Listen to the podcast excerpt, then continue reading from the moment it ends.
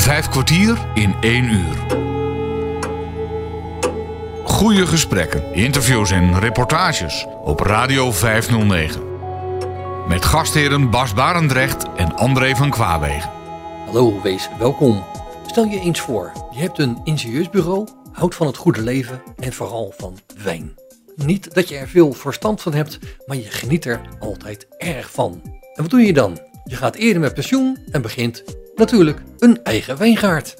Voor de gast van vandaag is dat de gewoonste zaak van de wereld. Hij startte samen met een groep vrijwilligers een wijngaard in Meersen, Zuid-Limburg op. En Meersen ligt net onder Maastricht. Hoe dit tot stand kwam en of het daarbij bleef, hoor je nu in een uitgebreid gesprek dat Hans Wensveen had met Arno Klaasens. Ik ben Arno Klaasens en ik eh, heb dit wijngoed in 2013 gestart samen met mijn vrouw Josje. En uh, we hebben dat gedaan om uh, voor onze oude dag wat bezigheid te hebben. En dat was eerst de bedoeling met 2000 struikjes. En dat is langzaam uit de hand gelopen. En uh, hebben we inmiddels alles bij elkaar een kleine 6 hectare met meer dan 24.000 struiken. Jij zegt, ik ben in 2013 ben je hiermee begonnen. Ja. Maar daarvoor deed je iets heel anders dan, neem ik aan. Dit, dit is hobby geweest. Ja, dit, wijn, wijn proeven. Wijn proeven was altijd al mijn hobby. Wijn maken niet. Maar ik heb wel altijd de droom gehad om, als ik dan met, met pensioen mocht gaan om dan een wijngaatje te starten. En ik ben gelukkig wat vroeger met pensioen kunnen gaan. Dus toen was het heel voor de hand liggend dat ik het als hobby ging kiezen. En dat hebben we gedaan. samen met mijn vrouw zijn we daarmee begonnen. En we hadden eerst 2000 struiken. En dat was ook een hobby. Dus 2000 struiken rood. Want we wilden graag een rode wijn maken omdat we vonden dat in Limburg best mooie witte wijnen werden gemaakt. Maar rood bleef een beetje achter. En voor ons was toen het doel om een hele mooie, kwalitatieve, goede rode wijn te maken. Ja, want dat is wel uniek voor, uh, voor deze streek. Hè? Want uh, we zitten hier in Meersum. En Meersum ja, zit een beetje onder de rook van, van Maastricht. Maar als je hier rondloopt, dan merk je natuurlijk helemaal niks van de stadse drukte. En zit je in een prachtig natuurgebied met, met, met die wijngaard. Hoe, hoeveel, hoeveel oppervlakte wijngaard heb je hier? Hier in, uh, bij ons wijngoed hier waar we nu zijn uh, hebben we drie hectare. Niet helemaal aangeplant. Uh, we hebben ook kersenbomen staan waar we een kersenbrandewijn uitmaken. Daar gaan we trouwens de volgende week mee beginnen, want de kersen waren rijp, zagen we vanmorgen. Okay. dus als dat volgende week helemaal top in de suiker zit, dan worden die kersen eerst geplukt en dan worden we een kersenwijn van gemaakt. En die stoken we uit op onze eigen destillatiekolom. En uh, voor, voor de rest zijn we op het ogenblik alleen maar met de wijngaard bezig. Want uh, het groeit als kool. We hebben de vorige week 70 mm regen gehad. Valkenburg is weer verzopen. Ja. Uh, maar ja. Wij hebben ja, voor vocht gebeden. Want we hebben alleen maar s'morgens water gegeven de afgelopen paar weken. Want ja. het was best wel droog. Ja. Maar doordat het droog is en veel zon schijnt, groeien de druiven als kool. En uh, ja, dan moet je constant ook uh, opbinden, noemen we dat. Dus de takken naar boven duwen, dat uh, tussen de draden door. En we proberen uit te dunnen, hè, want de, wij halen in principe maar één fles per struik eraf. En ja, je kan rustig drie flessen eraf halen, dus we doen ook constant uitdunnen. Ja, want in het voorgesprek zei je ook van aan een, aan een beetje volwassen rank groeien zo'n zo, zo tussen de 20 en 30 trossen, ja. trossen. Maar dan halen jullie van alles weg en dan hou je er maar een stuk of zes over. Ja, tijdens het seizoen gebeurt ja. natuurlijk ook van alles. Hè. Je hebt hagelbuien. En hagel is ook uitdunnen. Hè. Dan worden de trossen behoorlijk uitgedund.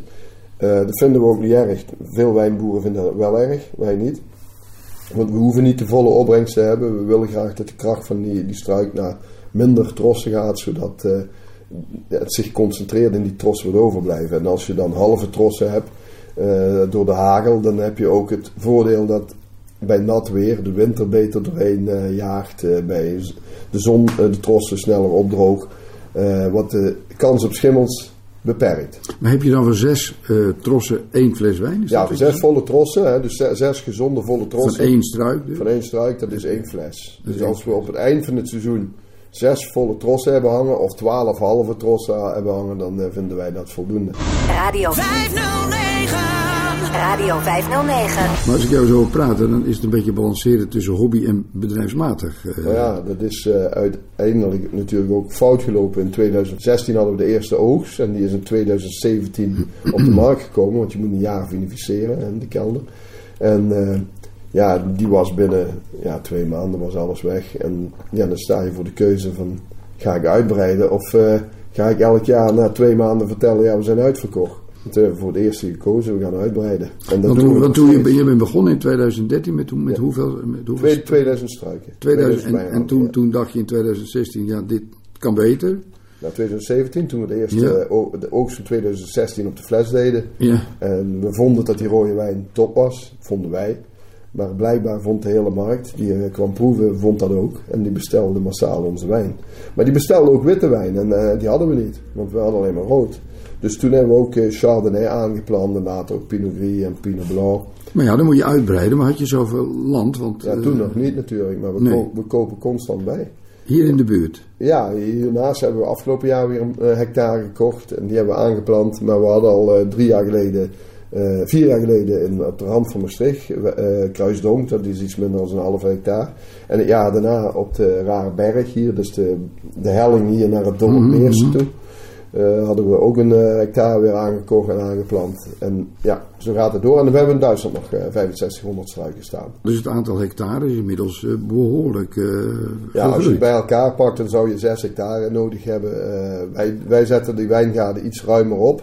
Je kan er rustig 5500 struiken op zetten. Wij zetten er 4, 4,5 op. En daardoor krijg je wat meer ruimte voor logistieke eh, zaken. Maar ook eh, bij ons zijn veel wijnproeverijen. Dus je wil het ook aantrekkelijk maken voor eh, onze gasten.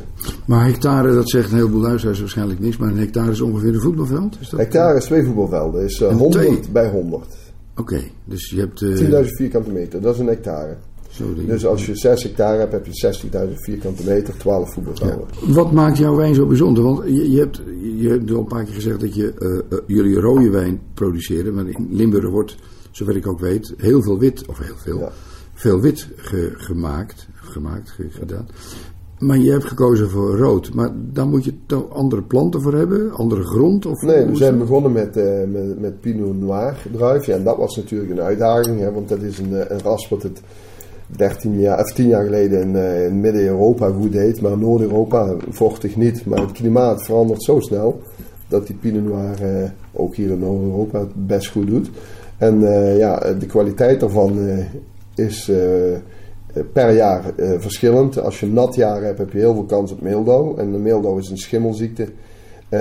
wat vooral optreedt bij vochtig, broederig weer. En dan moet je spuiten. Spuiten doen we niet graag, maar als het moet, dan moet het. Eh, En dat doen wij eigenlijk alleen maar als er een meeldauw is.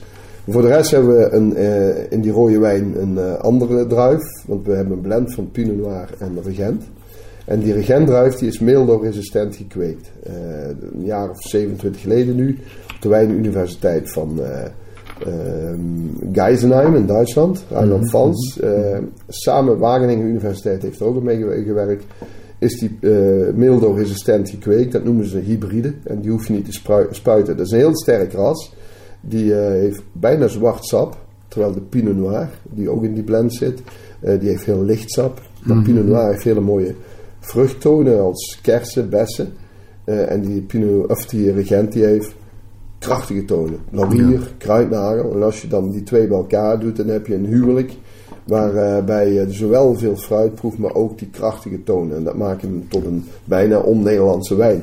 En eh, die regent zorgt ervoor in de mindere jaren, hè, want die heeft altijd een constante kwaliteit, dat die mindere jaren van die Pinot Noir toch omhoog worden getild.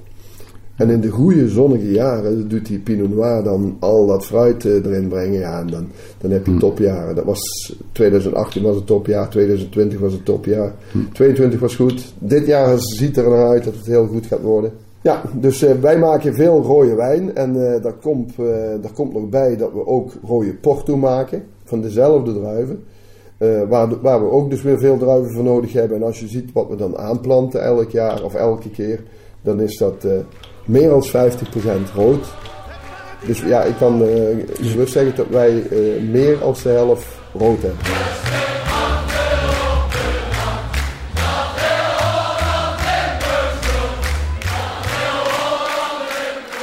De basis is denk ik toch eh, de grond waar je die uh, planten op plant. De terroir. Zoals de Fransen het noemen, de terroir. Ja. En de terroir van Zuid-Limburg, hier waar wij ook in zitten, het Heuveland, ja, die is top. Dat is eigenlijk eh, vanuit eh, de, de oudheid opgestuwde eh, zeebodem. Je kan je niet voorstellen dat dit ja, ooit... hier, hè, het ja. hoogste punt van Nederland Ja. is zeebodem. Ja. ja, eigenlijk Dat is dat heel apart. Het hele ja. Heuveland is eigenlijk opgestuurde Gestuurde, ja. zeebodem. Dat is het Heuveland geworden. En daar zit dus op een paar meter diepte zit kalkhoudende grond. Hè. Dat zijn eigenlijk schelpdieren vanuit die, op die zeebodem. Eh, dat zijn die mergellagen die we, hier- die we hier hebben, kalklagen. Kalk, en, ja. en daar is, daar is eh, een, een wijnrank helemaal gek op. hè. Frankrijk is ook één groot wijnplateau. En daarom doen de Franse wijnen het ook zo goed. Ja, Er zitten mooie mineralen in en de wijn wordt er eh, vettig van. Eh, eh, ja, dat is... eh, Maar vindt die plant dan, die, die wortels, hè, want je hebt het over Absoluut. lagen, vindt die dan die kalklaag even Er goed? zijn, eh, kijk hier boven op Draaberg zit hij op 10 meter.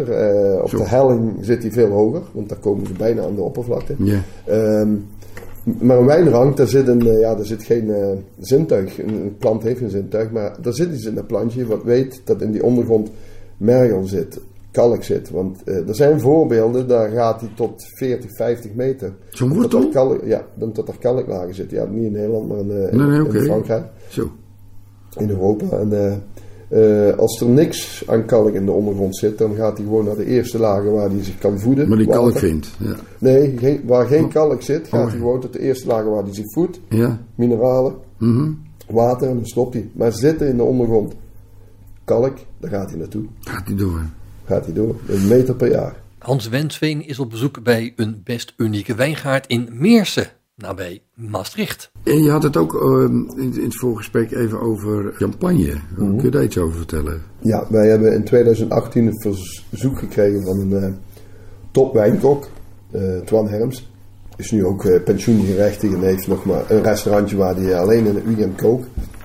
Maar hij vroeg aan ons om naast een boerderijtje een eh wijngaard aan te leggen met de bedoeling dat daar een champagne gemaakt zou worden. Methode traditioneel. Champagne mogen we het niet noemen. Nee. En eh, toen hebben wij daar eh, de eh, traditionele champagnerassen aangekomen. Even onderbreken, waarom mag je het geen champagne noemen? Even voor Ja, dat is begrip. aan de champagnestreek zelf. Dat is eh, alleen in de streek. Ja, in het begin mochten we dat methode, methode champenoise noemen. Dat mogen we op een gegeven moment ook niet meer. Toen werd het methode traditioneel. Oké, En ja. er Dat zijn, is in eh, feite hetzelfde product. Alleen... Hetzelfde product, bubbels, Ja, eh, ja, en op dezelfde manier gemaakt. Maar uiteindelijk heet het op verschillende plaatsen eh, ook anders. Oké.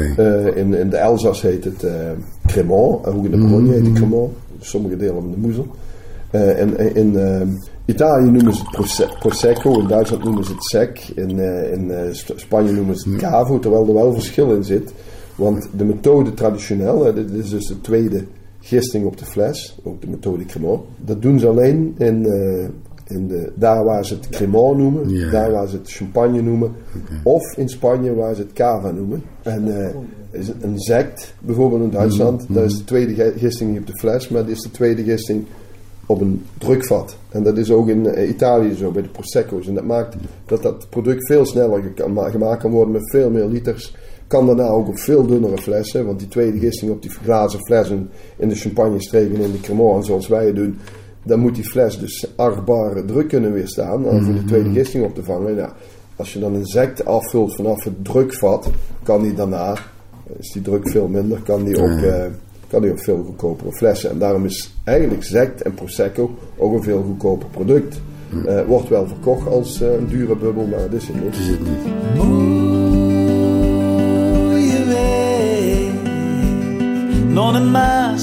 Maar we zitten hier aan tafel met nog twee, eh, twee enthousiaste eh, eh, wijnkenners. Mag ik jullie wijnkenners noemen? nou, of- ja, of- we Jullie zijn erin gerold. weet te drinken, maar kennis zijn we. Nee, we, we, ja, in wording. Nou, we worden net al een glaasje weer verder ingesch- ingeschonken. Maar hoe zijn, hoe zijn jullie hier bij, eh, bij teruggekomen? Ja, ik eh kon Arno van vroeger. eh, we, zaten zelf in de techniek beide. Daar kon ik Arno van. En ik ben sinds vorig jaar eh, ben ik met eh prepensioen gegaan. Ja. En Arno had altijd verteld, als je stopt met werken, dan kun je bij mij komen hobbyen. Ja, en sinds vorig jaar ben ik hier toch twee dagen in de week. eh, Minimaal, ja. minimaal. Maar, maar jij zegt, eh, hier ben ik aan het hobbyen. Maar wat, wat, wat versta je onder hobby? Wat moet je ja, wel doen dan? ik heb altijd interesse gehad ook in wijn en, en, en eh, tuinieren. Dus eh, ja, dit is voor mij ook... Ik zou ook graag wel zo'n wijngaard hebben, maar ja, Arno heeft nu zo'n Ja, wijngaard. ja, ja, dan ga je niet Ja. zelf beginnen. Nee. Maar, maar je bent aan het snoeien en aan het doen en, en echt, echt in de boom gaat we bezig. doen allerhande werkzaamheden. Planten. Planten. We hebben Ja. nu nieuwe aangeplant. Op, opbinden, zoals we Ja, ja. noemen. En Ja. uitdunnen. Ja, er is altijd werk. John is dus, ik ken hem van vroeger, hij werkte op de DSM en eh, mijn bedrijf deed daar eh, eh, allerlei we- werkzaamheden voor uitvoeren. En zo ken ik hem eigenlijk. Vroeger was hij, aan de, was hij aan de zijde van de opdrachtgever van mij. En nou eh, ze zijn er Nou, allemaal omgedraaid. wel een beetje omgedraaid. Ja, maar ja. maakt niet uit. Maar eh, wat, wel fijn is, is sin- sinds twee jaar doen we nu ook destilleren. We hebben een eigen destillatiekolom en we maken zelf proes, of, eh eh, Calvados, maar ook nu cognac. En eh, we zijn ook met een, whis- eh, met een whisky bezig. Ja, daar kom ik Eh, ook terug. Ja, en die, die destillatiekolom, dat was voor mij, was voor mij een dingetje. Want een van mijn projectleiders uit mijn vorige bedrijf, die had het e-technisch, ging die het allemaal aansluiten, had dat op een viltje allemaal uitgetekend. En die sterft met vorig jaar. En ja, dus zat ik ook met de handen in het haar. En Ja. toen toen zegt John, ik ken nog iemand eh, bij mij op het dorp, die is ook met pensioen, of prepensioen, eh, die werkt, heeft op de NSI gewerkt, is een elektricien. Ja. En de- en dat, dat, die zit ernaast, dat is Huub. En is Huub gekomen en die heeft zich dat filmpje bekeken. En ja, binnen twee dagen hadden we die destillatiekolom aan draaien. En dat kwam ook omdat John een procestechnoloog is. Hij, hij- en als je ziet, voor mij was dat abacadabra, maar hij kan eh, als eh, eh, technoloog in zo'n chemisch bedrijf waar hij werkte, DSM vroeger, ja, die zijn kolommen hebben zij in het groot wat wij hier in het klein hebben. En dat was perfect om, om zulke experts dan bij je kunnen, te kunnen laten aansluiten. Ja. Ja, dan gaat het even over de techniek, maar eh daar, daar zit natuurlijk ook nog een stukje passie voor het product. Heb jij dat, had je dat al of is dat hier ontstaan? Nou, dat is een beetje wel, ja, het product is natuurlijk lekker, maar. maar eh, ik had wel interesse in dat, eh, in dat eh, alcohol maken met het, eh, met dat apparaat, dat was wel met dat machine. Dus de, al- de, de, de, laten we zeggen, de techniek en de, dat en was techniek, daar. eh, ja, ja, ook. ja, ja. En ook het proces op, op zijn geheel. En ook, ja, ik hou zelf ook van teneren, dus wat dat betreft. Maar die combinatie is natuurlijk ook vingers, dus dat perfect. komt goed uit. Geweldig. Je zegt van we hebben dit, we hebben dat, we, we hebben zoveel oppervlakte aan, aan boomgaard. Maar als je het dan hebt over de productie en ook over eh, het, la- het laatste wat uit de, uit, de, uit die prachtige uitvinding van Huub komt. Maar over, over welke hoeveelheden praat je dan eigenlijk als je het hebt over het eindproduct? Nou, we, we, zijn dus begonnen met 2000 eh, struiken en dat zijn dan 2000 eh, flessen. Nou, wat we nu hebben aangeplant, eh, komen we aan de 25.000 struiken. Dus we hebben over vier jaar 25.000 flessen. Vorig jaar hadden we 17.000 flessen. Daar staan we nu. Want een wijngaard heeft vier jaar nodig eer die gaat produceren. Ik neem even een slokje trouwens. Dus Ja, is goed. Ja. Dus een wijngaard heeft eh, vier jaar nodig eer je je eerste oogst hebt. En dan ga je nog een jaar vinificeren. Dus je bent sowieso vijf jaar verder eer je de productie hebt. En eh, met wat we nu aangeplant hebben, hebben we 25.000 eh, stokken, 25.000 flessen. En hoeveel destillaat maken wij? We hebben Calvados afgelopen jaar, nee, jaar ervoor, eh 15.000 liter uitgestoken eh, appels, appelsieder. Ik wou net zeggen, daar heb je appels voor nodig. hè? Geen druiven. Nee, voor Calvados heb je appels nodig. Dus, maar het is wel Precies. hetzelfde seizoen, hè, dus het is hartstikke druk. Ehm, Heb je ook appels staan dan? nee, die hebben we hier op de, de Rare Berg waar we hier zitten. Ja. Op deze helling is, heeft Limburgs Landschap eh, een aantal jaren geleden eh, allemaal hoogstambomen aangeplant eh, om eh, bodemerosie tegen te gaan. En dat was een actie waarbij ze de landeigenaar hebben gevraagd: als je er toch geen akkers van maakt en, en gewoon grasland, wil je dan gratis aangeplant hebben oud-Limburgse eh, boom, eh, appelrassen, hoogstambomen. En de meeste mensen hebben gezegd, ja plant maar. Maar die doen er niks mee, die halen er één kistje vanaf of twee kistjes. Ja, dan is het genoeg voor de, voor de winter. Voor de appelmoes in de ja, familie. en dan Ja. vragen wij, eh, als je een flesje eh, Calvados van ons krijgt, mogen wij dan de appels plukken? Mag. Oké en zo, plukken wij overal de appels. En Maar dan dat- praat je over echte hoeveelheden. ja, we hadden, je moet voorstellen, 1400 kilo hebben we nodig om 1000 liter cider te maken. Zo. Eh, en als je, twee jaar geleden maakten we 15.000 liter cider. Daar heb je dan 15 eh, keer 1,4, eh, 20 ton appels voor nodig. En afgelopen jaar hebben we al, ik denk, 20.000 liter cider gemaakt. Dus de vraag groeit. Waarom? Omdat wij maken die, die eh, Calvados voor het Nederlandse leger, voor het Korps Fusiliers. Oh, Van de Prinses Irene Brigade in, eh, in Oorschot. oké dan. En, eh, en ja, dat is onze grootste klant. Maar dat werkt ook als een vlek. Eh, want al, al hun oudgedienden, al hun veteranen, die drinken nu ook allemaal ka- eh, de Calvados uit Limburg. Die komen zelfs hier op, bijna op bedevaart noem ik het. eh, die komen kijken waar het gemaakt wordt. En, eh, maar ook daardoor krijg je ook weer dat restaurants het vragen en, Ja, en de ja, handel het ja. begint te vragen. Dus dat Ja. is, dit is een olievlek, maar die moet ook niet te snel groeien, want we moeten het ook nog allemaal bijhouden. Ja, dat begrijp ik. Ja. Bestel maar, bestel maar, bestel maar. Je weet dat ik het niet kan noten. Nog even en dan begin ik. Broden. Vijf kwartier in één uur. Maar even, even terug Arno, naar eh, laten we zeggen, het product zelf, hè, de, de wijn. Dan, dan komen die druiven eraf en dan? Nou ja, dan, dan praat je over de oogsttijd. Ja. Ja, ja. Dus, eh, maar voor het oogst is hebben we nog heel wat elementen eh, der natuur te bestrijden. Want eh, Oh, ja, ja, ja, je moet je voorstellen. Kijk, die hagel vinden we niet zo erg hè, in de beginperiode. Maar als je eenmaal hebt uitgedund en je hebt je zes volle trossen hangen, of je twaalf halve, en er komt nog een keer hagel, dan heb je weer een uitdunning. Dus dat zou niet goed zijn. Wat doen wij nou? Rond, eh, rond de tweede, derde week van juli, als die trossen zich beginnen te vormen en de suikers langzaam beginnen eh, omgezet te worden, dan gaan wij eh, netten hangen.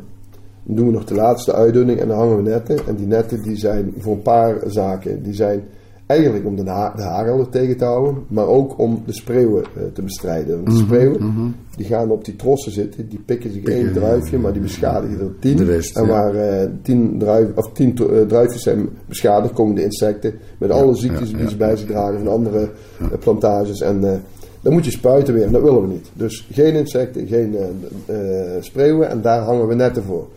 Maar ehm, we hebben ook de dassen. En dat is nou over twee weken hebben we, gaan we daarmee beginnen. Eh, dan komt helemaal rond de wijngaarden komt een eh, plastic loper te liggen van ongeveer 50 centimeter breed. is dat een van de beschermde dieren trouwens? Ja, en die mag je niet, eh die, mag je niet, oké. schedel inslaan en die mag mag je niet niet. vangen, dus dat doen we ook niet. Nee, Oh. nee maar we, we wonen in de natuur, Ja, dus precies. we willen ook samenwerken. Wil je ook samenwerken Maar het is ook hartstikke mooi, die- als je allemaal Ja. die natuurelementen ziet, dat is toch magnifiek. En als je ze dan kunt bestrijden op een hele fijne manier, is dat top. Moet zeggen, nou, je gaat een lopertje uitleggen Ja, dan voor je een lopertje van plastic. Waarom? Je Oh. wil niet dat dat gras daar op die plek omhoog komt. Want daar staan om de twee meter staan betonblokjes met een isolator op. En daar loopt een scheepdraadje door. Ja. Nou, en dan komt die das s'nachts en die stoot zijn neus aan die draad. Want Oei. gisteren hong hij er nog niet. Pats, dan krijgt hij een pets en dan is hij kwaad. En dan gaat hij graven en dan gaat hij onder die loper door. Oh. Dus is hij weer binnen. Maar de volgende dag zetten we daar een veetje. Dus eh breiden we dat om. ook stroom. om- ja, ook die stroom weer uit. En dan stoot hij weer zijn neus. En dat doet hij twee of drie keer. En dan ga ik die andere route zoeken. En dan ruimen wij dat op aan, na de oogst ergens in oktober. Maar je ziet hem niet meer tot ergens in december. Dan, dan heeft hij op de een of andere manier in de gaten van... Oh, het, het draadje of er is iets veranderd. En, en dan komt hij weer. Maar ja, en dan hebben we een andere eh, spelbreker. Dat is het wildzwijn. Dat is iets groter. Die zijn wat groter. En daar hebben we overal of eh, hagen van Meidoorn of Ligustrum eh, om onze wijngaarden. Of, eh, dat hebben we afgelopen jaar gedaan, op de wijngaard hier beneden op de Raarberg. Dat is eh, een eh, ijzerdraad, ro- een rooster zal ik maar zeggen, van de draden 5 bij 5 ijzer, waar je niet doorheen komt. En die hebben we om, om die hele wijngaarden heen ge- gemaakt. Een das graaft er onderdoor, maar een wildzwijn komt er dan niet door. Nee. Nou, en dan hebben we woelraad. Die woelraadjes die gaan naar de worteltjes en die vinden ze lekker en die vreten zijn worteltje op en eh, dan gaat langzaam een struikje dood. Nou, en daar hebben we eigenlijk nog niet veel op gevonden.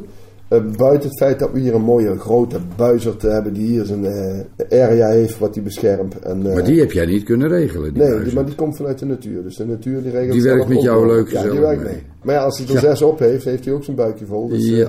En die woelratten die, die maken jongens sneller als konijnen. Daar heb je een, heel veel over nog. Hoe bestrijd je die dan? Over de wat? Die, die, die, die, die wolmuizen, wat was Oh, die woelratten. Woelratten. Ja, nou, eh, daar hebben we, eh, je gelooft het niet, ik mag natuurlijk geen reclame maken, maar de Lidl had eh, twee jaar geleden, hadden ze apparaatjes die waren eh 7,95 euro. Ik zeg, dat kan niks zijn. En dat was een, een, een, een staaf, die duw je in de grond met een zonnecelletje op. En die d- doet een trillend signaal door die grond, waar die woelrat helemaal gek van wordt. En die werkte. 7,95. En die hadden we om de 20, 25 meter staan. Alleen na twee jaar, oké, dat is natuurlijk Chinese troep, maar dat werkte. Toen ben ik professionele gaan kopen voor een hele hoop geld. En die werken niet. Dat meen je. Ja, dat meen je echt. En, en die werden dus verkocht als eh, het eh superinstrument, maar dat, dat werkte niet. Dat is... eh, Maar oké, dus die trilling in de grond, die houdt die ja, beesten. en, en, dat werkt, maar alleen ja, ik, ik ben op zoek naar een professioneel apparaat wat het dus een paar jaar uithoudt. Want het heeft Hmm, geen zin als ik elke twee jaar zoiets. eh, dus ik ben niet van het wegwerpen. eh, Nee, ik wil graag dat het gerepareerd kan worden, Ja, onderhouden. En, eh, want we En zijn konijnen, goed- hebben die ook hier dan? Of niet? Ja, konijnen hebben we ook, maar Heb je iets- last van? minder. Nou, die vangt de hond.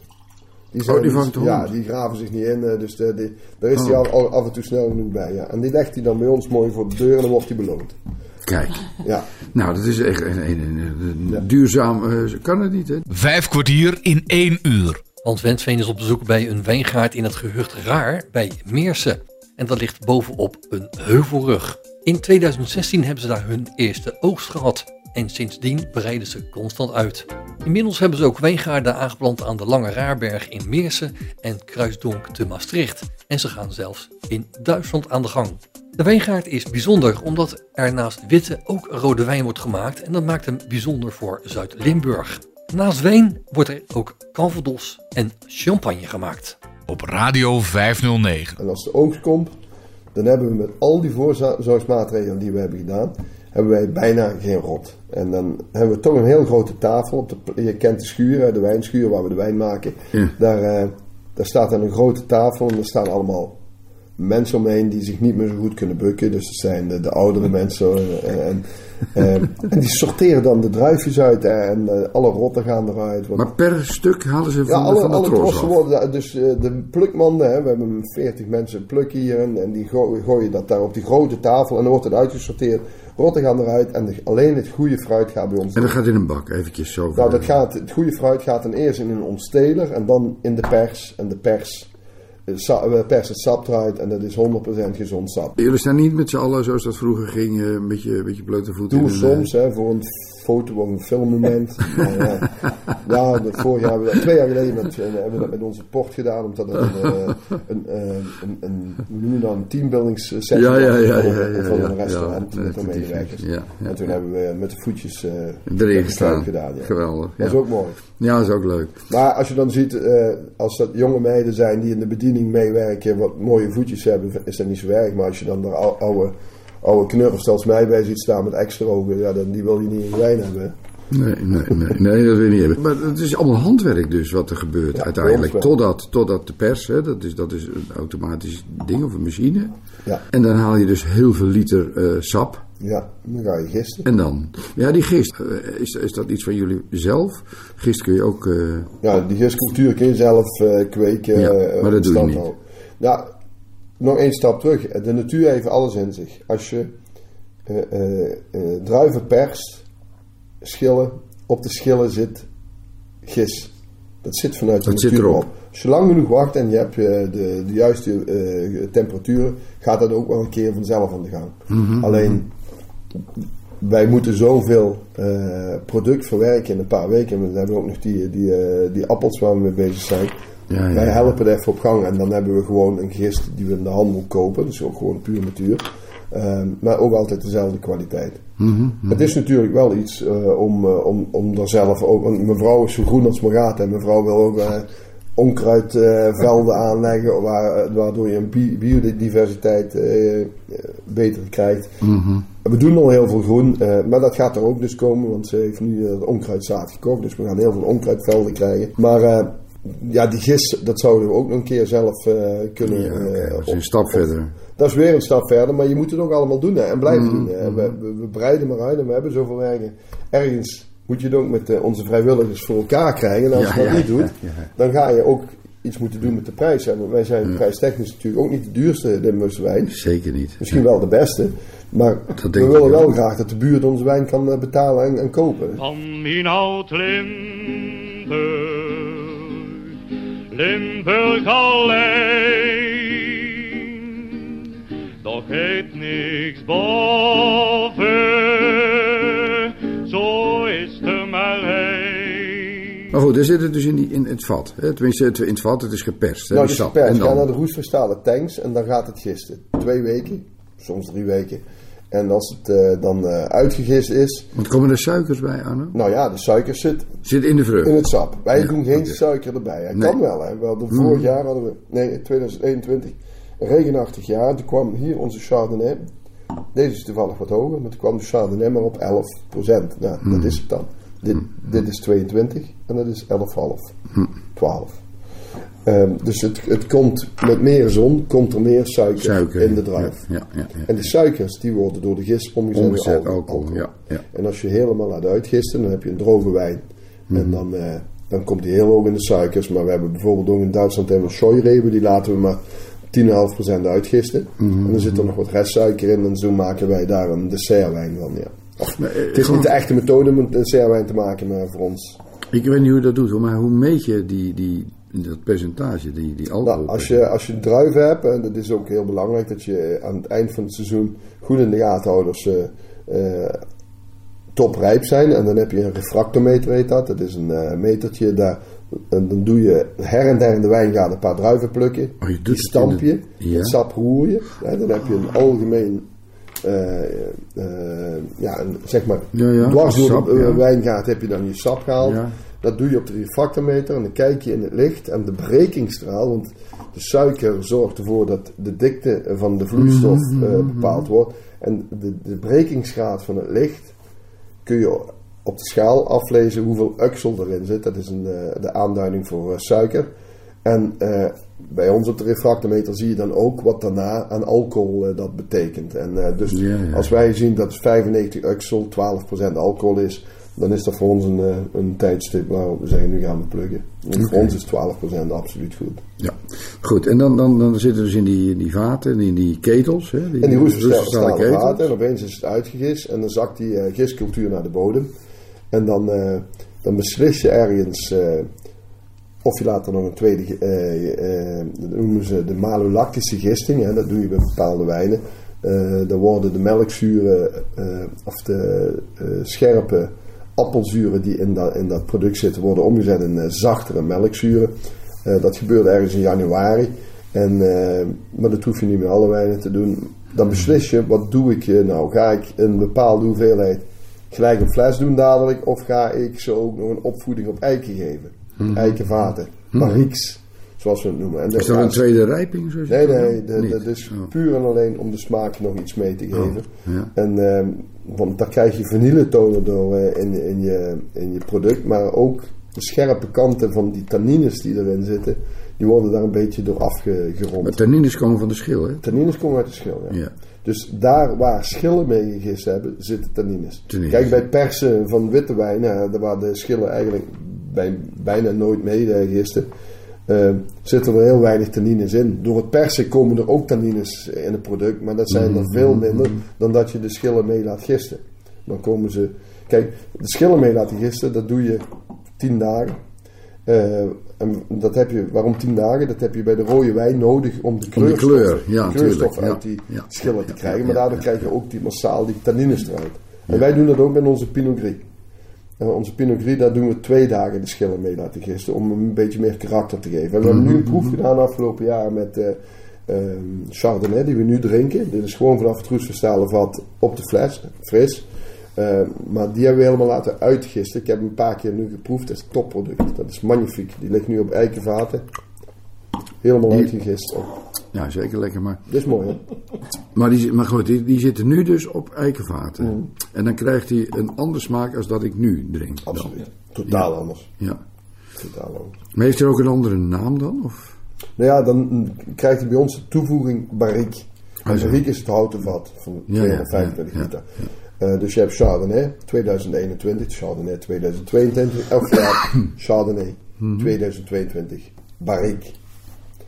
En nou, dat nieuwe product wat we hebben gemaakt, ja, dat gaat wel een andere naam krijgen. We weten nog niet wat. Maar dat verzinnen we wel. Twee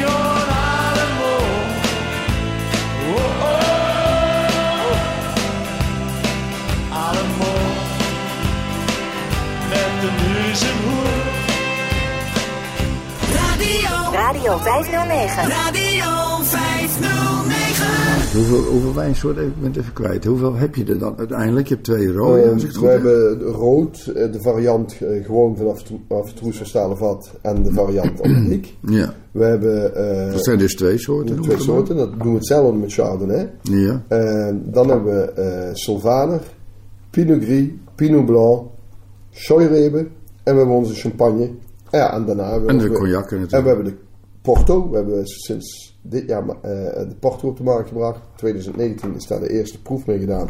En die is afgelopen jaar op de markt gebracht. 650 flessen. Binnen 2,5 weken uitverkocht. Ja, want dat is een heel ander product. Want hoe gaat dat dan? Ik bedoel, de basis, Porto, ja. ja. de, de, Nou ja, de weet basis je- is natuurlijk de druif. toch? Ja, de- we maken de Porto van dezelfde druiven als onze rode wijn. Van de Regent en de Pinot Noir. Ook in dezelfde verhouding. Alleen laten we die druiven op de schil gisten. Terwijl we de eh, rode wijn helemaal laten uitgisten erop. Doen we bij de Porto continu meten tot we ongeveer 5% omgezette alcohol hebben. En dan willen we dat het stopt. Eh, om de restsuikers, wat er dan nog in dat product zitten, om die erin te houden. Die maken de Porto zo zoet. En hoe stop je dan die gisting? Dat doe je door er een brandewijn bij te gooien. Normaal gesproken in Porto doen ze dat van brandewijn gemaakt van druiven. Van druiven die, die ze ervoor- of wijnen die ze ervoor verstoken. Of Ja, de druivenresten. Ja, ja. Nou, sinds dit jaar weet ik dat ze dat ook niet in Porto zelf doen. Die halen allemaal die, eh, die brandewijnen uit Spanje. Ehm, wij, toen we ermee begonnen, dachten ja, dat moet je zelf doen. Dus, maar we hadden te weinig druiven, omdat we al onze wijnen elk jaar uitverkocht hadden. Dus zijn wij die brandewijn gaan maken van appels. Zo is dat appelproduct begonnen. En daarna zijn we ja, daarna ook met kersen begonnen, kersenbrandewijn. Dus wat gaat nu als brandewijn in onze porto, bij die 5% reeds omgezette alcohol die we al hadden vanuit de wijn, kiepen we er 63% brandewijn bij, gemaakt van de helft is eh appelbrandewijn, de helft is kersenbrandewijn. Maar heb je dan zo'n grote eh, stookketel dan? Want dat is toch We hebben een ketel van 90 liter, is natuurlijk niet eh, schokkend, maar eh, ja, oké. Het is genoeg. Ja. Ja, we maken eh, eh, tijdens zonnige dagen, als we veel zon hebben en buiten niet veel te doen hebben, eh, het voorjaar of het najaar, dan eh, stoken we en dan eh, maken we. Ja. Maar kijk, je kan, eh, als, je, als je maar product hebt, hè, als je maar eh cider hebt, eh, dan kun je stoken wanneer je wil. En we hebben nou het geluk dat onze buurman, dat is een appelboer, en die, eh, die maakt, eh, of nee, die, eh, teelt appels voor de. Supermarkt, ja. En als die in de winter zijn koelcellen leegmaken is, heeft hij ehm, appels die hij uitsorteert die niet mooi zijn, die de mensen niet mooi Ja, vinden. blutje een spikkeltje op zit, een blutje Ja, in zit. ja, die, die haalt hij eruit, die sorteert hij uit. En als hij 1400 kilo bij elkaar heeft, dan belt hij. Dan je Dan heel op, daar betalen we hem wel voor. Maar dat is voor ons uitpersen, sap. Sap, en, dan maken we, en nou maken we cider. Eh, Ook in de maanden dat ze niet aan de bomen hangen, de appels. Dus, en dat is ook wel fijn. Hè? En eh, ook voor ons werk is dat fijn. Want eh, als je verse appels moet persen, dan is dat net in de tijd dat je ook met je druiven bezig bent. Ja, de- dat komt niet goed uit. Ons, Nee, nee, nee, dat is- Plus je ketels, die staan allemaal vol. ja. de pers wordt bezet. Maar goed, dan gooi je de brandewijn bij, zeg je dan. Hè? Dus je Ja, tot in het mengsel je hebt. 19,5% zit. Ja. Want een porto is 19,5%. En dan zeggen die gistcellen, bij 19,5% alcohol in het product, zeggen die gistcellen, klaar, stop. En dan sterven die af. Die, ik wou net zeggen, die gaan dood. En die gaan dood, dus die sterven naar de bodem, laten we het eventjes berusten. En dan hevelen we dat, dat product, of we filteren het, hevelen we het over naar eikenvaten. En dat zijn de eikenvaten waar twee jaar lang onze rode wijnen op hebben gelegen. En dan gebruiken we dat eh, vat dus nog een keer voor de port, drie jaar lang. Dus van drie jaar lang rust onze port op die vaten. En dan heb je, eh, omdat wij die helemaal vol vullen, da- zodat er geen lucht bij komt, heb je een Ruby stijl, maar wel late bottle vintage. Van één jaargang eh, met heel veel eiken complexiteit erin. En eh, even, even gewoon, die vaten zijn dan dus drie jaar gebruikt. Is het dan klaar met die vaten? Of, of? Nee, dus twee jaar eh, rode wijn, drie jaar port. En dan gaan ze naar onze lokale whiskystoker hier in Meersen. We hebben een whiskystoker, een top whiskystoker, Moirel Distillery heet dat. Heel lastige naam. En die gebruiken ze dan weer om zijn portus, of eh, zijn whiskies op te Zijn whisky's op te rijpen. Ja. Joh, jeetje min, wat, wat, wat een toestand joh. En, maar goed, je vindt het nog steeds leuk. Ja, me streek. I love you, I love you, helemaal. Wat het is, dat kan ik niet beschrijven. Hans Wensveen bezoekt in deze vijf kwartier in een uur een wijngaard in Meersen. En spreekt daar met de eigenaar Arno Klaasens. J- Jullie zijn er aan begonnen, jij met je, met je vrouw dan, en met al je vrijwilligers, hè, dus die hier ook aan tafel zitten, een aantal. Ja. Maar over, over hoeveel vrijwilligers hebben we het nou eigenlijk? Want Ja, woensdag is het hier altijd topdag. Dan eh, zijn ze bijna allemaal hier. Dan hebben we er vier. Dat is altijd lachen, gieren, brullen. Daar maken we ook een feestje van. Hè. Ja. Jos- Mevrouw Josje maakt er altijd lekker eten. En, eh, we drinken ons altijd een glaasje daarna. En eh, ja, dat is wel leuk. Dan zijn we met vier vrijwilligers. eh Josje en ik. Zes. Zaterdag zijn we met een man of vijf. Eh, want dan komt de familie eh, meewerken. Eh, en we hebben één professional, dat is Chris Krolla.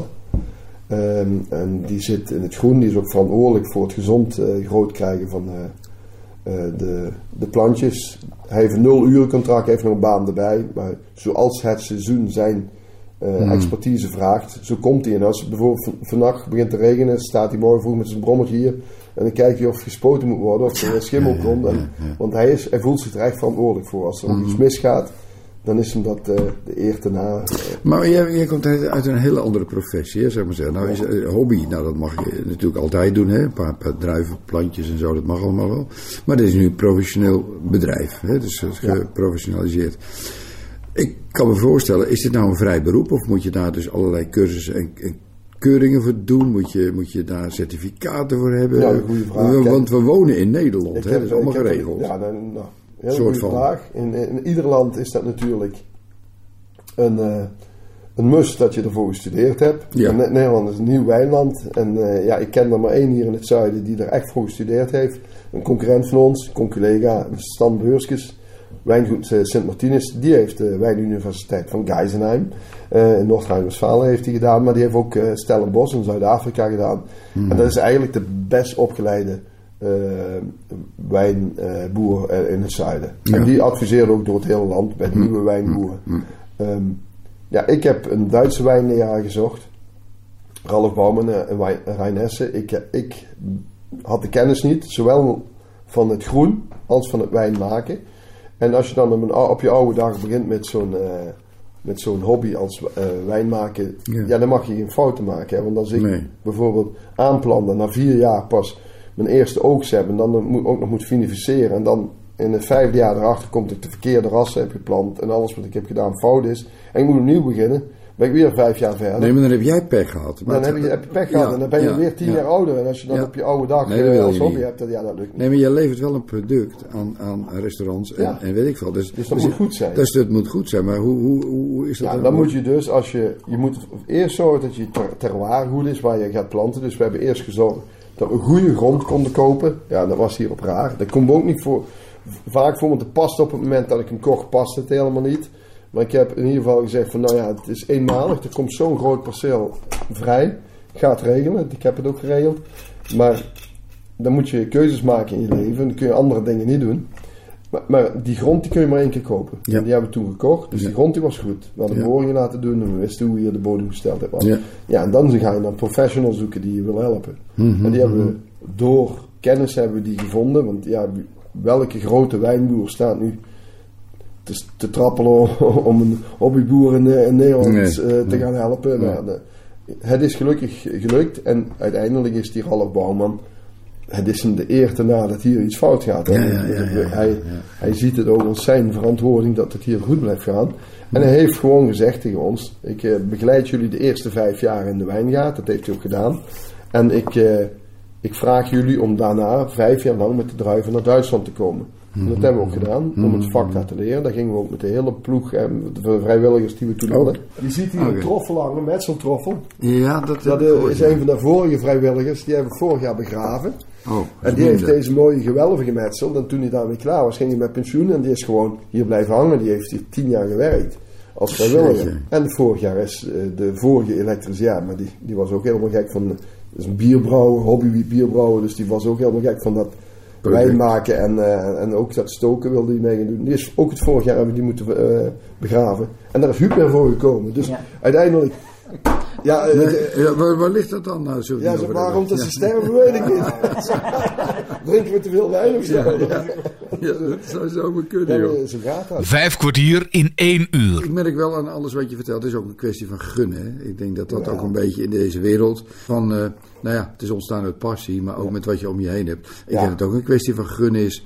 En samenwerken. En, samenwerken en daar energie uit halen, want dat is, dat is wel wat er gebeurt. Het Dus punt is trouwens, als, eh, als wij dit, als ik deze mensen allemaal moest betalen, die mij helpen, mijn kinderen allemaal moest Ja, betalen, ja. dan, dan krijg je wijn eh, van, eh, ja, zoals de meeste, meeste wijnen, rond de 20 euro. Ja. Want het is allemaal handwerk. Ja. En omdat ik zoveel vrijwilligers heb, bieden wij de wijnen voor de helft, nog minder dan de helft aan. Ja, Ja, ja, is dat een economisch eh, slim model? Nee, natuurlijk niet. Nee, maar wij zijn het leeftijd en we willen een mooi product neerzetten. En, En je moet de wij komen op plekken waar we normaal nooit komen. We zijn, afgelopen jaar zijn we bij die militairen op de kazerne geweest. Die zijn trots dat wij dat voor maken. En wij zijn trots dat we dat Ja. daar gaan leveren. En als je ziet hoeveel restaurants wij nou leveren. Ja, daar word je ook trots van. En, eh, Ja, want hoe is jullie markt dan? Is dat, is dat eh, een exclusieve markt aan bijzondere restaurants? Of is dat, dat is niet de supermarkt, denk ik? Of Gallegal, ik noem maar eens iets. Nou ja, we hebben ja, altijd gezegd, we willen nooit een supermarkt. Maar we hebben sinds eh, anderhalf jaar nu twee eh, plusmarkten. Maar wel in een plus, plusmarkten die in een topbuurt zitten en ook topsegment ja, ja, leveren. En die uit hun eigen achterban horen, willen lokale wijn. Nou, en dan komen ze bij ons. En dan zeggen wij ook van, ja, je kan er niet meer gaan prijsvechten. hè, Want dat, eh, dan Nee. trekken we gelijk Nee. onze wijnen terug. Ja. En ja, die, die doen dat op een magnifieke manier. Er staan eh, ook, dan draaien op tv-schermen films over ons, hebben ze laten maken. Dus Leuk, ons ja. product wordt op een hele mooie manier. Manier gewaardeerd. Ja. Op een schone zondagmorgen. Blus mij Hey, en goed jij noemde het ook even iets over cognac, maar kun je daar iets over vertellen? Of, of misschien dat jullie er iets van weten, maar wie, wie er iets over weet. In principe hadden we Cognac, nodig voor onze, onze hè, een, een, een, een druivenbrandewijn voor onze porto. Maar dat hadden we niet. En we zijn ook begonnen met die calvados ervoor te maken van appels eh, en van kersen. En dat blijven we ook zo doen. Want het is nu al drie jaar, vier jaar, het vierde jaar zo gemaakt. En, we- en we vinden het zelf prachtig. Dus we laten dat zo. Maar we hebben natuurlijk, we doen allerlei proeven ook. En we maken ook wel eens foutjes. Hè. En eh, zo hebben we... eh, zo hebben we champagne, wat we hebben moeten uitstoken het vorig jaar. Hè. De, ja, iedere, mijn wijnboer, mijn wijnleraar zegt van, weggooien. Is niet goed. Ja, als je 100.000 liter wat, eh, bijna een miljoen liter per jaar maakt, kun je zoiets roepen. Maar voor ons zijn 400 liter Ja. veel. Staan En- Valkenburg ja, en dat is toch alcohol, hè, waar ik accijns, accijns over heb betaald ook nog. Ja. Dus Oh wij zeggen nee, die alcohol is goed, daar doen we iets mee. En dan hebben we uit die eh, champagne die, we, die niet goed was. eh, en waarom was die niet goed? Er zat, die tweede gisting was niet goed op gang gekomen. Dus eh er zat te weinig bubbel in en te weinig alcohol. Eh, in de basiswijn zit 10,5%. Maar door die tweede gisting op de fles komt er nog ongeveer 2% bij. En dat was niet op gang gekomen. Dus je hebt wel nog 10,5% alcohol. Ja, zonder weggooien. Ja, zonder weg. En toen zijn we begonnen met cognac te stoken. Ja, en nou zeggen we tegen iedereen als je eh maar wijn... hoe maak je dan cognac? Want je zegt dat zo makkelijk. Maar Op je, die je, destillatiekolom. Ja, dat kan de zonder beste vertellen. John, je, gaat, je gaat die, die mislukte champagne, die ga je in een, in een eh distillaatkolom gooien. Dat kun je dus met eh, champagne, met wijnen. Die destilleer je en die alcohol wat je daar over die top stookt, die ga je straks opslaan in eikenvaten. En door die eikenvaten krijg je die, die houtsmaak en dan krijg je daar een cognac. Hoeveel procent, eh, of nee, hoeveel graden eh, verwarm je de ketel om die alcohol eruit te krijgen? Ja, dat begint zo wat bij eh 92 graden van de bodem. Dan krijg je dampen en dan ga je over de top. En eh, de top van de klom die heeft zo'n 78 graden. Dan, eh, in het begin krijg je nog even slechte alcohol, dat is de methanol. Die moet je Methanol eh, weggooien. want dan, daar word je blind van. Nou, ik heb het niet gedronken hoor, maar... Ja, eh, niet gedronken, maar daar kun je blind van worden. Oh, nee. Dus die moet je echt apart houden. ja, dat doen we ook. ja. En dan krijg je je alcohol en je toptemperatuur wordt dan ook steeds iets hoger. En je bodemtemperatuur ook. Dan zie je dat er steeds minder alcohol in die bodem komt. En dat destilleer je. En je topproduct wat je dan koelt en wat we opvangen, dat is in het begin 85% en uiteindelijk stop je ze wat bij 50% alcohol. En dat is allemaal een goed product. Maar dat stop je dan in een vat, maar hoe krijgt dat dan precies die alcoholsmaak? Want je hebt, of tenminste die cognacsmaak. Hoe, hoe, Ja, dat is dat hout van dat is dat hout, wat, Ja, wat ja, dus ja. de, alcohol, de cognacsmaak geeft. Ja, dat ook die kleur wat die cognac heeft, dat Ja. komt puur van het hout. Want alle destillaat dat je stookt, hè, ook al heb je rode sappen, alle destillaat wat over de top gaat, is altijd waterhelder. Mhm, weet, Dus dat ja. gewoon water, Doorzichtig. net als Ja. water. Ja. En de kleur van de cognac en van alle andere, andere wat Whisky. Maar zijn dat dan vaten, onbewerkte vaten? Zijn dat bourbonvaten of nee? Of, of, of, Nee, het zijn onze oude wijnvaten. Dus Dat zijn de want oude zijn we wijnvaten. ermee begonnen Dat is het stoken. eigenlijk. We Ja, hebben dus gezegd, ja. die vaten gaan maar twee jaar mee Ja. voor onze wijn. Want dan kan, onze wijn hebben we hebben elk jaar eh, brengen we nieuwe wijn uit. Dus als we op hout laten rijpen, dan moet dat in een cyclus van een jaar. Want we moeten onze wijn per jaar eh, genoeg voorraad weer Ja, krijgen. ja. Dus dan, eh, je zou bijvoorbeeld zo'n vat vijf jaar kunnen gebruiken, maar dan moet je wel die wijn er vijf jaar... Want hoe, hoe ouder het vat is, hoe minder smaak dat hij eruit haalt. Hoe verder hij in, in moet dringen. Dus we hebben ook voor onze wijnen altijd... De helft van de vaten is nieuwe. En de helft is tweedejaarsvaten, zoals we dat noemen. Maar na twee jaar gebruiken we het niet meer, omdat dan in die cyclus van een jaar die wijn die daarin rijpt niet meer genoeg smaak eruit haalt. En dan zeggen we, als er een porto of een cognac of een whisky nog drie jaar op mag liggen, die drie jaar haalt die nog genoeg eigen smaak eruit. Snap je? Want die heeft een cyclus van drie jaar dat hij erop ligt. Die legt er drie jaar op.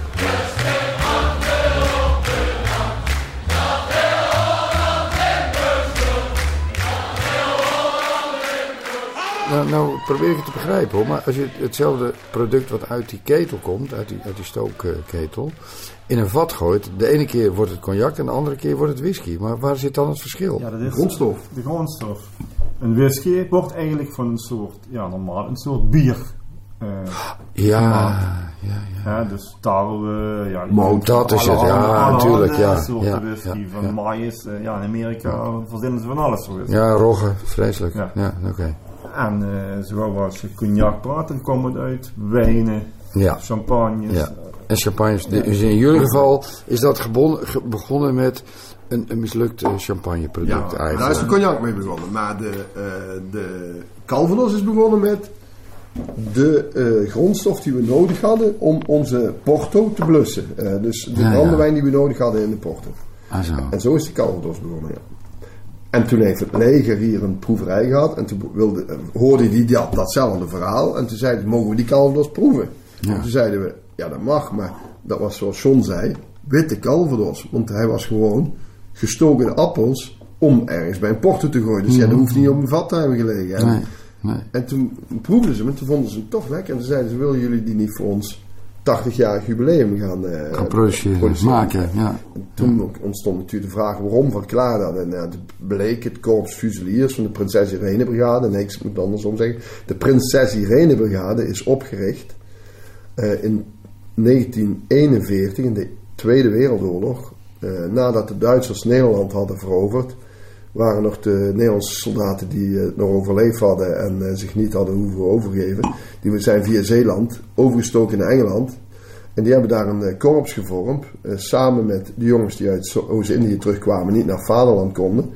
Ook naar Engeland uitweken. En boerenzonen van Nederlandse boeren in Canada, Amerika en Zuid-Afrika. En die hebben daar een korps opgericht van 1200 man. En eh, dat was toen, eh, toen was prinses Irene net eh, geboren. En, ja. Irene Ja. is ook eens de naam van de vrede, de koningin van de vrede. En die hebben dat prinses Irene brigade genoemd. Die zijn met de Engelse Amerikanen gaan oefenen. En die zijn met D-Day overgekomen. Of na D-Day overgekomen. En die hebben toen van de bevolking in een grote bariek Calvados gekregen. Dat hebben ze meester Jan gemaakt. En sindsdien is dat Is een dat blijven. traditie En als die op missie gaan, iets te vieren hebben, Dan is het altijd Calvados. Calvados. En 19, of 2021, 80 jaar bestaan, vroegen ze of wij hem wilden maken. En dat hebben we gedaan. Maastricht, I love you, I love you helemaal. Wat het is, dat kan ik niet beschrijven. Hans Wensveen bezoekt in deze vijf kwartier in een uur een wijngaard in Meersen en spreekt daar met de eigenaar Arno Klaasens. Dat is een mooi afzetgebied. Maar als je nou Eh, eh, over, over de cognac nog even terugkomen. Is, is dat ook een, eh, laten we zeggen, een product wat een speciale markt heeft? Of is, is, is dat, vindt dat gewoon zo'n weg via jullie klanten? Nou, die, die, die is er nog niet. Hè, want die zijn we nou begonnen met stoken. En we hebben nou denk ik de eerste 225 liter ongeveer bij elkaar. Zoiets. Dus die gaat Oh, nu het ligt nu op, het ligt nu op de Ja, die, die moet eruit Ah, komen. We, gaan dus over drie jaar kijken of, Over of, drie jaar? of het goed is. Oké dan. En, en, en als het Ja. goed is, dan verzinnen we gegarandeerd met een mooie Oh. naam. En dan wordt die gebotteld. Gaat hij joh. Maar hij ruikt en smaakt alles. Ah, je- ik heb het dat vandaag ook, Hans. Wat zeg Ik heb jij? die zaterdag mogen Ja, ja, ja, ik heb het vat gerookt. Ja, ja, ja. Dat is die. Ja, ik heb het gerookt, ja, inderdaad. Ja, ja en, en dan de, de whisky nog heel eventjes. Ehm, Ja, de die, whisky is een flauwekulletje, want die hebben we... Eigenlijk eh, hebben we van een dra- drankhandel hier in het zuiden hebben we gewoon... Die hadden een paar vaten, fusten bier. Ja. Eén fus brand en één fus eh, gulpen. Die had die eigenlijk over datum. En die zei, kun je daar wat mee? En toen hebben wij gezegd, nou dan gaan we eens kijken of we daar een eh, whisky van kunnen maar maken. dan heb je het over een vat. Nou, dat- dat was een fus van 50 liter. Ja, dat bedoel ik. En dan Ja, stoot je dat eruit en dan blijft er hoeveel liter over zo? Weinig, hè, want je, Vijf? bier zit maar 5% alcohol. Dus ja, dan, eh, dan heb je weinig. En dat is het jammere van bier. Eh, dus als je een wijn als grondstof hebt, heb je meestal 10 tot 12%.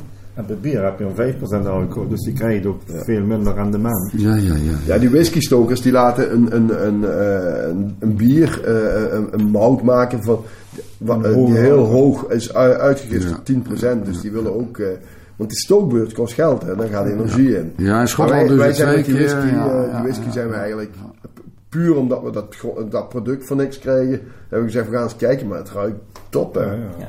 Het ruikt top. Zo, maar jeetje, min. ja, ik ben, whi- whisky vind ik een interessant product. Want ik, ik ben zelf eh, daar ook best liefhebber van. En ik ben ook lid van zo'n, eh, ja, dat heet de Whisky Society. Ja, heel chic natuurlijk. Eh, maar het gaat ook over het genieten, hè, daar. eh. maar ja, ook goed. Maar goed, het is ook een product waar ik eh, met name wel geïnteresseerd in ben. Maar jullie zo met elkaar, eh, hoe, hoe, hoe is dat? Ik hoorde af en toe wel gezellige dingen met elkaar. Ja, Ik maar, weet helemaal. ja, moet klikken, maar ja. En, en, en, en hoe zit dat met, met, met jullie partners of vrouwen en zo? Vieren die dit mee? Of, of, eh, Ja. die vinden het niet erg dat je een beetje laat thuiskomen zo nu en dan? Ja, je moet nu eigenlijk naar dat betreft, eh, Een mooie dat gelijke eh, zorgt Arno en Josje dat het eh, wel goed komt. We gaan samen geregeld eh, met elkaar weg, eh deed het en zo. Dus eh, Ja. samen proeven. We gaan altijd bij onze klanten, eh, hè, we hebben een hele hoop restaurants, dus daar, daar proberen we één keer in de zoveel tijd met, met z'n allen naartoe te gaan. Maar we hebben ook eh, andere leuke eh, dingen die we nog willen doen. We hebben, eh, John die zei eh, vorig jaar van de kaas maken, lijkt me ook wel wat. En we hebben, we- daar beneden hebben we een, een kelder. En eh, dat is zo'n mooi klimaat in die kelder daar, is ook Oh. onder in de grond. En dan willen we gewoon... een kaas maken. En er was een, een, een, bierbrouwer hier in, in, in, in de buurt, een, een jonge bierbrouwer, en die had graag een aantal van onze eiken vaten om daar zijn bieren op te laten rijpen. En dan hebben we hem gewoon vaten van ons gegeven, die, die hebben we geschonken. En toen eh, vroeg hij, wat kan ik terug doen? En zijn vrouw is kaasmaakster. En toen gezegd, nou, je kan ons één plezier doen als we het hele team kaas mogen komen maken.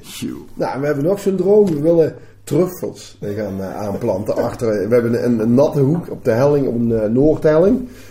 En een natte hoek. En dan denk je, wat moet je met natte hoek? Dat zijn allemaal schimmels. Nou, dan moet je iets met schimmels doen. En, eh, dan willen we truffels gaan eh Het trekt eh, zwijn aan, hè? Ja. Dat weet ik. En, dan- dan, doen we daar weer omheining omheen. Ja. We willen, we willen dus ook, ja, dat wou ik eigenlijk nu op voorjaar hebben gedaan. Maar ja, we hebben het voorjaar een nieuwe wijngaard aangeplant. Dus we hebben het hartstikke druk gehad. Maar we gaan op een truffelcursus in Duitsland. En dan gaan we ons laten uitleggen hoe je met die truffelculturen moet omgaan. En, te- en dan gaan we truffeltjes kweken.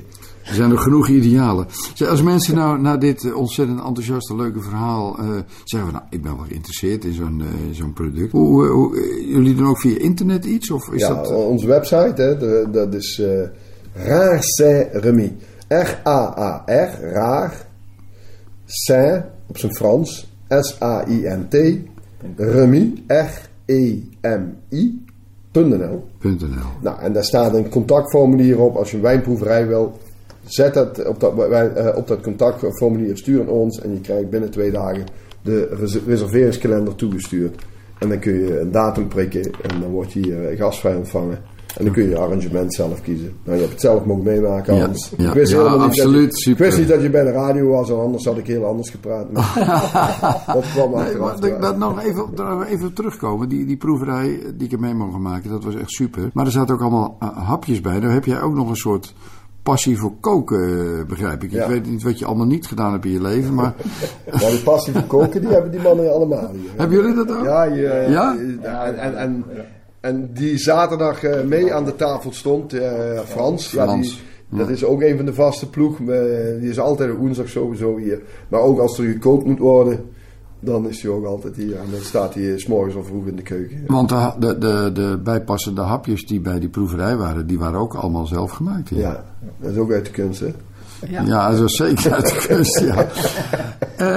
Misschien is het leuk, dit, dit, dit moeten we misschien even afsluiten, want het is een gigantisch mooi verhaal, om, eh, als het mag, nog heel eventjes eh, de wijngaard zelf in te lopen. Is dat mogelijk? Ja, doe met je. Ja. Dan gaan de jongens lekker... eh, Ja, anders krijg je, dit- moet je nog wat uitleggen thuis. Ja, valt wel mee hoor. van mijn oud Limburg, Limburg alleen. Doch heet niks boven, zijn nu buiten. We lopen nu richting eh, de wijngaard. Het is allemaal wat, eh, ja, heuvelachtig. Een paadje gaat op en neer.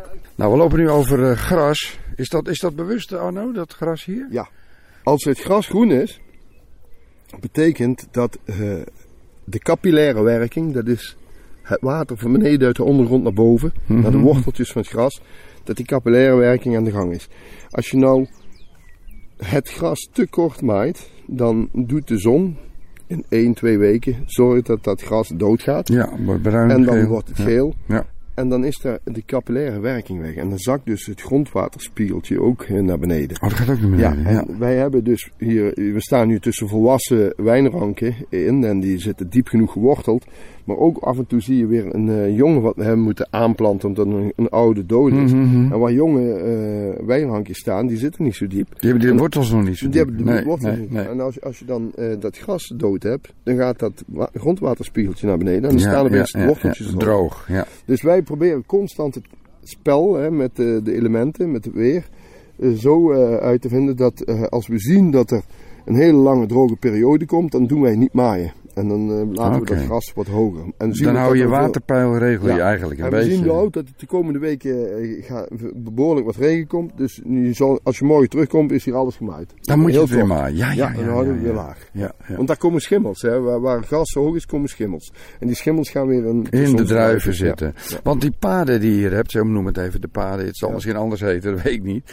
Maar eh, die zijn 1 meter, wat is het, breed? 1,90 meter bij ons. De meeste hebben 1,70 meter, maar wij doen 1 en dan kun je doorheen rijden met een Met machine als het tractors, moet. ja, ja. Om te maaien, of tenminste... En, Maaien, en, schoffelen. Hè, we doen, je ziet bij heel veel fruittelers zie je dat eh, tussen de, de boompjes en tussen de struiken eh, alles doodgespoten is. Ja, het is natuurlijk heel vervelend om eh, on- onkruid te, te wieden. Mhm, Maar eh, mhm. ja, wij we willen niet spuiten, dus wij doen alles mechanisch maaien. Daar hebben we schoffelmachines voor, die hangen aan de, tra- tractor en die laveren tussen die struikjes door. En, eh, Maar het moet toch ge- gekopt worden, hè? Tenminste, heet dat zo? ja, dat, ja, de, we, de, kijk, de, opbinden de hoogte ook, opbinden. Hier voel je de takken al. ja, die- ik sta hier eventjes... Ik, ik, is, een, is dit nou een jong of een Dat is, oude? een oude- Is dat- het- ja, dit is een oude struik, maar die, oude die tak die, komt nu, die groeit nu naar de rij in en die moeten we achter de draad. Ja, want ik begin even van beneden van. Dat is, er zit één draad beneden. Eén naar beneden en dan doen we elk jaar doen we daar de, de eerste tak op afbinden. Ja, die zit... En, ja, en, en dat, dat is dan ook de enige draad, tak die ja. er nog op blijft. ja. En op die tak komen allemaal de druifjes. En die voel je overal op ja, ja, eh, ja, overal ja, ja, hangen. ja. En ehm, Dat is nog heel klein, hè? ja, ja, ze zijn nu nog heel klein, want ze hebben de vorige week in bloei gestaan. We zijn eigenlijk dit seizoen eh, wat laat begonnen. We, de weer is en Hoi, Huub. Het weer is aan de voorkant eh, heel. eh Maar over een maand, zeg jij, is dit over een maand zijn die hartstikke dik.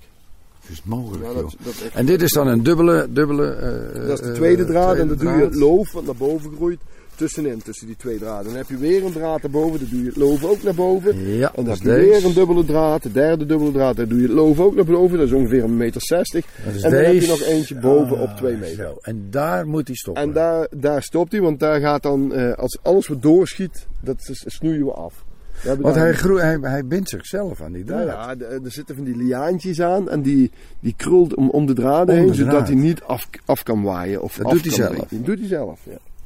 En hierboven eigenlijk, dit, dit gaat ook Die, weg. ja, en die worden nu door een machine, dat, dat is Ja. een U-vormige eh, machine met allemaal messen, die gaat over die rij heen. Op die hoogte ingesteld. Ja, en op die hoogte ingestegen. Want anders zou, als dit top zwaar wordt, dan, ja, dan zakt het naar beneden Ja, en dan breekt ja, het ja, af. Een maas toe. En wat doe je met het afval? Heeft dat ook nog weer een functie? Ja, dat, eh, dat wordt weer eh, met de gra grasmaaier daarna wordt dat weer fijn gemalen en heeft weer een eh, mestfunctie. Ja. Dat is weer een mensen. Dus het is zo duurzaam als het maar kan dit. Alsjeblieft. En we Ik- hebben zelfs onze, onze productieprocessen doen we zo groen mogelijk. We hebben overal zonnepanelen liggen hier in de, in de wijnvelden, hier langs de, Mhm, de, de waterpartijen op de daken. En we slaan onze eh, stroom op op batterijen, die hebben we in de kelder staan. Dus ons hele proces is eh, ja, gewoon eh, door zonne-energie. En water vangen we op, waar we weer mee besproeien. Oh, water vang je op in, Alle in de vangen bassin. op. Hier, we hebben twee bassins hier in deze wijngaard. Op de, Ja. wijn- op de berg hebben we ook een groot wijngaard. Daar, zijn ook twee waterbassins. Dus we hebben constant onze eigen watervoorziening. Ja. Want hoe doe je dat nou met, je, met dat stuk eh boomgaard, of boomgaard, ik zeg steeds boomgaard, eh, wijngaard wat je in Duitsland hebt? Hoe, hoe doe je Nou ja, dat? Want dat- ga je toch niet steeds elke dag naartoe? Dat ik daar een wijngaard heb überhaupt, dat komt door mijn eh, wijnleraar Ralf Bouwman. Eh, en toen wij moesten uitbreiden, toen we eerst maar die 2000 struiken hadden, en toen zei hij van, eh, je moet je in Nederland een wijngaard erbij kopen die al productief is. Mhm, En mhm. hij vertelt dat vanuit zijn Duitse ervaring van ja, daar, daar staat heel veel te koop. In Nederland is niks te Mhm, koop. Dus mhm. eh, ik zei ja, dat kun je vergeten. En, Die eh, Duitse boeren stoppen ermee. ja, veel Duitse boeren stoppen ermee. Ja, in ieder geval die kleine boeren. Ja, ja, ja, Wat ja, dat ja, als een bijbaantje hebben. Want de kinderen van hun willen dat niet overnemen. Nee, nee. nee. En, eh, dus toen heb ik, eh, ik zeg ik wil, eh, toen zei hij van, eh, kom maar naar Duitsland. Want we hebben hier genoeg Mhm, boeren, die mhm. stoppen ermee. En toen zei ik, ja, ik hoef die Duitse rassen niet. Ik wil eh, Franse rassen hebben. Ja, ja, ja. Want ik ben gek van de Pinot rassen en ik ben gek van Chardonnay. En toen zei nou, die vind je hier ook wel. En toen eh, zei ik, nou, dan mag jij zoeken. Nou, de dag erna belde hij al. En, Hoe is dat eh, met jouw overname? Als jij, eh, je bent nu wel Ja. Een goede vraag. Kijk, uiteindelijk heb ik mijn, mijn, mijn droom gerealiseerd. Dat kun je zeggen. Ja, en toen zei mijn wijnleraar Alle Bouwman van eh Arno, wil je? Wil je dat als jij straks sterft, je droom meesterft? Of wil je dat die droom door blijft leven? Ja, dat laatste wilde ik natuurlijk. En toen zei hij, ja, dan moet je het levensvatbaar maken. En dan moet je zorgen dat je minimaal 25.000 stokken hebt.